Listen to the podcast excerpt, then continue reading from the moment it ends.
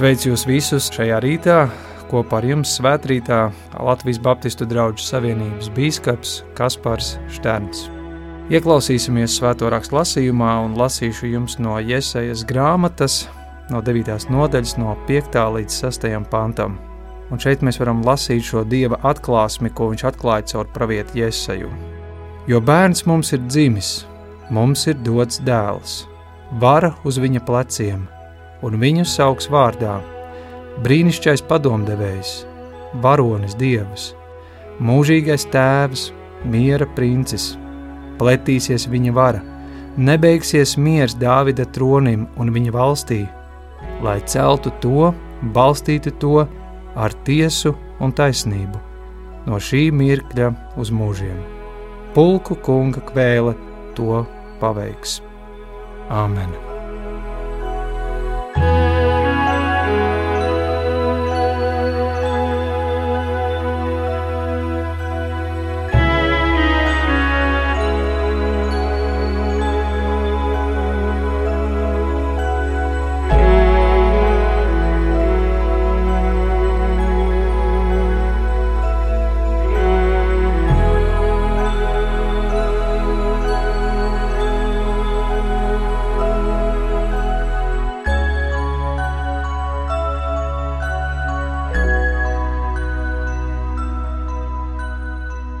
Šajā iesaistas grāmatā mēs varam lasīt šo dieva apsolījumu par to, ka būs dēls, būs kāds valdnieks, kas nāks šajā pasaulē. Patiesībā šis apsolījums sākās jau dažas nodaļas iepriekš, kur mēs varam lasīt 7. nodaļā, kur Dievs caur pravieti Ieseju dod šos vārdus. Kungs dos zīmi, jaunava taps grūta un dzemdēs dēlu, un viņa vārds būs Imānuēl, jeb Dievs ar mums. Šie vārdi tiek pasludināti laikā, kad Izraēla tauta atrodas tādā ļoti lielā spriedzē. Ir eh, politiskā spriedze, ir sociālā spriedze, valsts ir sašķēlusies divās daļās, apkārt ir ienaidnieki, kas mēģina izmantot šo situāciju, lai iekarotu. Un visā šajā sarežģītajā laikā Pravietis Jēzeja saka šos pravietiskos vārdus, kura vēstījums ir daudz lielāks un dziļāks par šo esošo situāciju.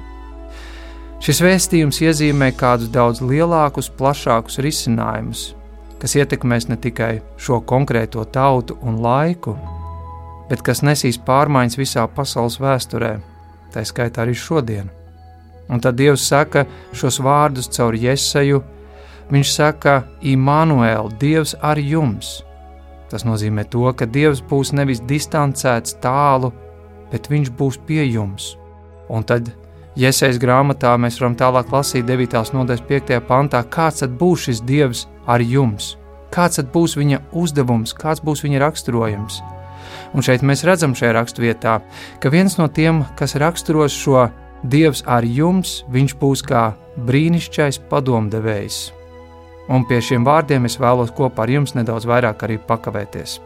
Izraels situācija bija sarežģīta, un es teiktu, kaut kur savā ziņā līdzīgi esam arī mēs šodien, kur mēs meklējam padomu, mēs meklējam atbildes uz jautājumiem. Arī šodien ir tāda sajūta, ka sabiedrība ir sašķēlusies, polarizējusies, un katram ir savs viedoklis, katram ir savi uzskati. Un mums ir jautājums, kā dzīvot, Kā pieņemt visus šos ierobežojumus, cik tie ir pamatoti, kā izkļūt no krīzes, ko darīt ar vakcīnām, vai tās ir drošas, kā aizsargāt mūsu konstitūciju, kā saglabāt laulības jēdzienu, kā saglabāt vispār laulību, lai tā būtu mums, kā neizdegt šajā laikā. Tie ir tikai daži, bet es domāju, pietiekoši skaļi jautājumi, un mēs visi meklējam atbildes uz šiem jautājumiem. Un kaut kur jau mēs arī atrodam tās atbildes, bet vai tās ir tās īstās atbildes, kuras mēs meklējam? Šodien ir tik plaši iespējas meklēt visdažādākos padomus. Šķiet, ka dažās minūtēs mēs to varam atrast internetā, Google, Wikipēdijā vai YouTube, kur mēs ļoti ātri varam saņemt eh, uz jautājumiem atbildes. Bet kas ir pārsteidzoši, ka nevienmēr tās atbildes mums dod līdz galam tādu gandarījumu sajūtu. Bieži vien arī par tādiem dzīves lieliem jautājumiem mums ir jautājumi, un mēs zinām, ka tos tik vienkārši mēs nevaram atrast kaut vai googlē vai internetā. Ir vajadzīgs kāds, kurš mums var iedot to īsto padomu, tas īstais padomdevējs. Es domāju, ka mēs ik viens ilgojamies pēc tā, pēc padomdevēja ar lielo burtu. Un tādēļ Dievs arī dod šo apsolījumu, ka Viņš sūtīs šajā pasaulē savu dēlu, kurš būs kā brīnišķīgais padomdevējs. Ko tas īsti nozīmē? Ja mēs skatāmies no oriģināla valodas, tad šis brīnišķīgais nav vienkārši jauks, patīkams, labs padomdevējs, lai gan arī to tas varētu nozīmēt, bet eh, šim vārdam ir tā nozīme nedaudz savādāka kā brīnumainais padomdevējs. Tas nozīmē, ka Jēzus, kā Dieva dēls, ir padomdevējs, kura padoms nav tikai mierinoši, iedrošinoši un motivējoši vārdi. Tu vari vairāk, tev izdosies, saņemies.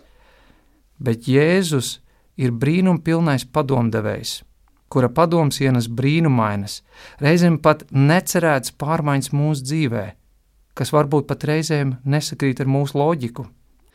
Viņa padoms un gudrība ir daudz dziļāka, plašāka, nekā mēs spējam to aptvert un pat pēc tās ilgoties.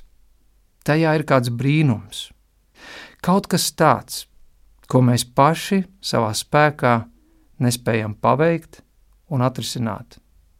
Dieva apsolītais brīnuma padomdevējs nāca šajā pasaulē, lai nevis vienkārši salāpītu veco, bet viņš nāca šajā pasaulē, lai dotu kaut ko pilnīgi jaunu, lai kaut ko pilnīgi jaunu restartētu.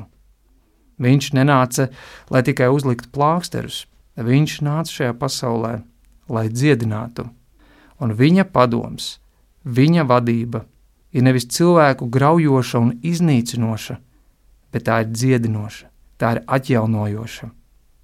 Viņa nodoms ir nevis mūs pazudināt, nevis radīt mūsos lielāku apjukumu, bet dot mums cerību, dziedināšanu un mieru.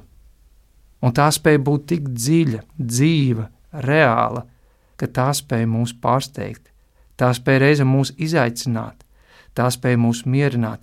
Tas reizēm kļūst kā tāds svaigs gaiss, ko mēs atkal no jauna varam ieelpot iekšā. Un tādēļ Jēzus nav vienkārši bijis kā tāds izcils skolotājs, meistars, kurš ir iedevis tādu labu padomiņu mums, bet viņš ir Dieva dēls, kurš ir ienesis pārmaiņas šajā pasaulē. Un tad, kad mēs iepazīstam šo padomdevēju, šo padomdevēju ar lielo burtu, tad, kad mēs viņu pieņemam savā dzīvē, no tā sāk izrietēt visi mani mazie dzīves padomi, un mazās dzīves gudrības. Jo ir dzīves lielie jautājumi un ir dzīves mazie jautājumi. Katrs jautājums, protams, ir svarīgs, bet ne visas atbildes ir izšķirošas mūsu dzīvē. Viņa gudrība ir, ja varētu tā teikt, ar šo lielo burtu, no kā izriet visas manas mazās gudrības, lēmumi un manas izvēles. Tas būtu līdzīgi, ja mēs salīdzinātu ar likumdošanu, ir satversme, ir konstitūcija. Un no šīs satversmes konstitūcijas izriet vis, visi mani pārējie likumi, noteikumi, kārtības, pēc kā es tālāk vados. Un tieši tāpat no šī Kristus lielā padoma, no viņa brīnumainā padoma, no viņa brīnumainās gudrības, izriet tālāk viss, kas manā dzīvē notiek, kādus lēmumus, kādas izvēles es izdaru savā dzīvēm. Jā, varbūt tās nebūs tās atbildes, kuras mēs šobrīd sagaidām, jo ne visu Dievs mums dod tagad un tūlīt, ne visu mēs spējam aptvert un pat saprast tūlīt. Tas ir līdzīgi kā ar mazu bērnu, kuram mēs varam censties paskaidrot kādas lielas lietas, sarežģītas lietas, bet mēs taču zinām, ka tā viņa spēja saprast ir ierobežota. Tādēļ ir lietas, kurām ir vajadzīgs laiks. Arī Dievs savu padomu atklāja zināmā laikā. Viņš ir brīnum pilnais padomdevējs. Bet brīnumainais padomdevējs tas nozīmē vēl kaut ko. Kā jau mēs lasījām šajā iesaistas grāmatā, Dievs ir ar mums. Lai arī šodien Jēzus fiziski nav kopā ar mums, un šķiet, vai Viņš var mums šodien dot šo padomu. Viņš mums ir devis kādu brīnišķīgu apsolījumu, ka Viņš vienmēr būs kopā ar mums caur Svēto garu. Jāņem ģēlijā mēs varam lasīt šos vārdus, kur Jēzus saka, kad nāks aizstāvis, ko es jums sūtīšu no tēva, patiesības gars, kurš no tēva iziet, viņš liecinās par mani. Šis vārds aizstāvis ir no oriģināla valodas arī šis padomdevējs, līdzās esošais, kurš par mums pastāv, kurš mūs aizstāv, kurš ir līdzās kopā ar mums. Jēzus nāca šīs pasaules, lai dotu ne tikai savu padomu, bet lai būtu kā mūsu aizstāvis, jeb līdzās esošais, kurš mūs izprot, kurš mūsos ieklausās. Jo reizē mums dzīvē nav vajadzīgi nekādi pat padomi, bet viss, kas mums ir vajadzīgs, ka ir padomdevējs, kurš mums ir blakus. Brīnišķīgais, brīnumainais padomdevējs, Imants. Viņš ir mūsu aizstāvis, viņš ir mūsu līdzgājējs, tāds, kurš par mums pastāv un cīnās. Un šis aizstāvis mums ir svarīgs, jo ir kas, kas mūs visu laiku nemitīgi apsūdz, šīs pasaules tumsības spēki. Tie vēlas mūs norakstīt, sēž šaubas, mūs sadragāt, bet Jēzus ir nācis, lai par mums pastāvētu. Un tā ir cīņa, ko mēs paši nekad nespēsim uzvarēt. Neviens cilvēks pats savā spēkā nevar uzvarēt grēku un ļaunumu. Pats Dievs nāca šajā pasaulē, lai nevis tev būtu pašam jācīnās un jācenšas sakārtot savu dzīvi, bet lai to uzticētu viņam, tavā dzīvē var notikt patiesas pārmaiņas. Tu varbūt teiksi, jā, bet mana dzīve ir ļoti sarežģīta. Es esmu daudz cietis, vai tiešām Dievs mani izprot? Un Jēzus, Jēzus ir līdzās esošs padomdevējs, kurš izprot tiešām mūsu katru mūsu situāciju. Kāpēc? Jo viņš pats ir cietis, viņš pats ir bijis pamests, uzmests, pazemots, nicināts un pat nogalināts. Tas ir padomdevējs, kurš vislabāk mūs izprot mūsu ikdienā. Brīnumainais padomdevējs. Un kāds ir tas aicinājums mums šodien dzīvot? Vispirms jau uzticēsimies un sekosim Kristus padomam, no kā izriet visas mūsu dzīves izvēles un attieksme. Man patīk, kā rakstnieks Džons Ortbergs ir sacījis savā grāmatā Tuvāk nekā tu domā.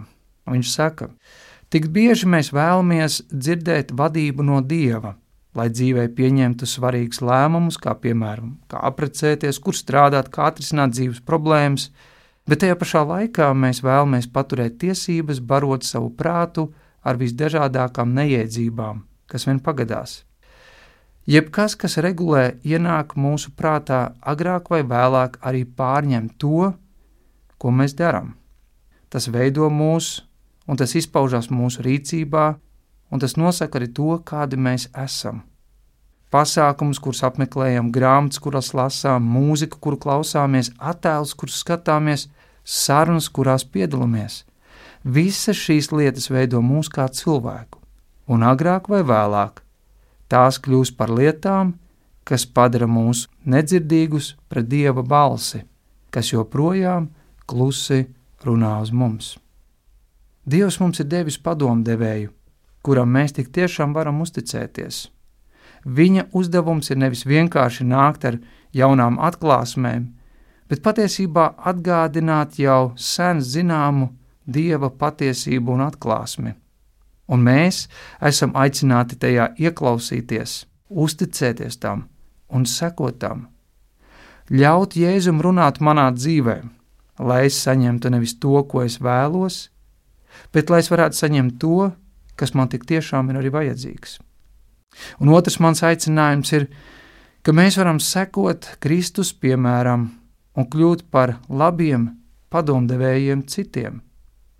Kā Pāvils ir sacījis korintiešiem, Dievs, kas mūs iepriecina visās mūsu ciešanās, lai arī citus, kas nonākuši ciešanās, mēs varētu iepriecināt ar to iepriecinājumu, ar kādu Dievs mūs pašus ir iepriecinājis. Kas ir interesanti, tad arī šajā oriģinālā tekstā šis vārds iepriecinātājs, jeb iepriecinātāji ir tas pats, kas ir attiecināms uz svēto garu, kā aizstāvis, padomdevējs, līdzās esošs. Protams, ka ir jābūt uzmanīgiem šajā laikā, kad mēs sākam dot citiem padomus. Un reizē mums liekas, tas mūsu iepriecinājums, ko mēs varam dot otram cilvēkam, ir kāda gudra atziņa, kāds labs iedrošinājums, pamudinājums, padoms. Taču es domāju, ka vismazāk šodien cilvēkiem vajag dzirdēt vēl vienu padomu, kurš nāks ar jauniem paziņojumiem, varbūt pat demagoģiju, pat dezinformāciju. Vai arī Mēs varam būt tie padomdevēji, kas varam sākt beigās dot tādas plasmasas atbildes uz cilvēku tādiem dimantu jautājumiem. Bet tas, ko šī raksturvieta varbūt drīzāk vēlas pateikt, un šīs raksturvietas kontekstā, mēs varam būt tie padomdevēji, lai īpaši šajā laikā varam būt līdzās, lai varam iepriecināt citus un iedrošināt. Ļoti vienkārši. Kādam var būt piezvanīt, varbūt kādam uzrakstīt vēstuli. Ja šie ierobežojumi to atļauj, tad aizbraukt pie šī cilvēka ciemos un pavadīt šo laiku ar viņu. Jo varbūt tie vārdi, ko tu saki šim cilvēkam, var nozīmēt tik daudz. Tas laiks, ko tu ar šo cilvēku var pavadīt kopā, var nozīmēt pilnīgi visu. Šajā laikā mēs esam aicināti saskatīt vajadzības, uzklausīt, un lai mūsu sacītie vārdi var rādīt ceļu pie šī brīnumainā padomdevēju. Dievs ir sūtījis brīnumaino padomdevēju, kurš var ienest brīnumu mūsu katra dzīvē, kura padoms var ienest pārmaiņas mūsu dzīvē. Un mēs esam aicināti, ka arī mēs varam citiem rādīt šo ceļu, nevis mēs būtu kā brīnišķīgais padomdevējs, bet lai Kristus var būt kā brīnišķīgais padomdevējs. Lai Dievs mums uz to palīdz. Āmen!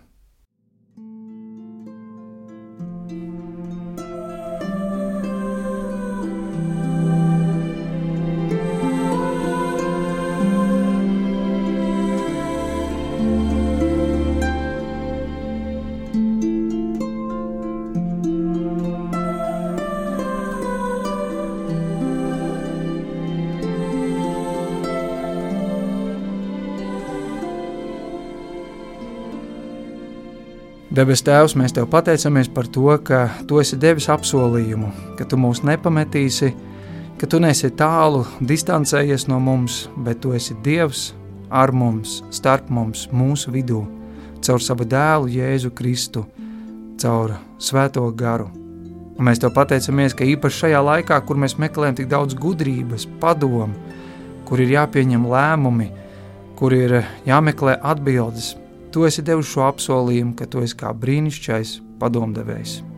Dievs dod, ka tā gudrība, tas padoms, ka tas tik tiešām var ienest pārmaiņas mūsu dzīvē.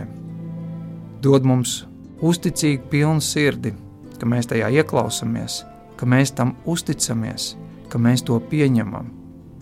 Dievs, mēs lūdzam par ikvienu, kurim ir jautājumi un meklē atbildes uz šiem dzīves lieliem jautājumiem. Kungs nepaiet garām, bet esi caur svēto garu līdzās dod solīt pa solītim šīs atbildes, un ļauj mums arī uzticēties tam, ka pat tad, ja mēs nesaņemam visu, ko mēs vēlamies, tu esi uzticams un tu īstā laikā dos. Dos arī atbildes uz mūsu jautājumiem. Un Dievs, es arī lūdzu, ka mēs paši varam būt kā iepriecinājums viens otram, īpaši šajā tumšajā apjukuma laikā, ka mēs varam viens otru iepriecināt ar vārdiem, kaut vai ar smaidu, kaut vai ar acu skatienu caur maskām, ka mēs varam būt kā prieks viens otram, iedrošinājums, iepriecinājums un norādīt uz tevi, ka tu esi brīnišķīgs padomdevējs. To mēs lūdzam Kristus vārdā. Amen!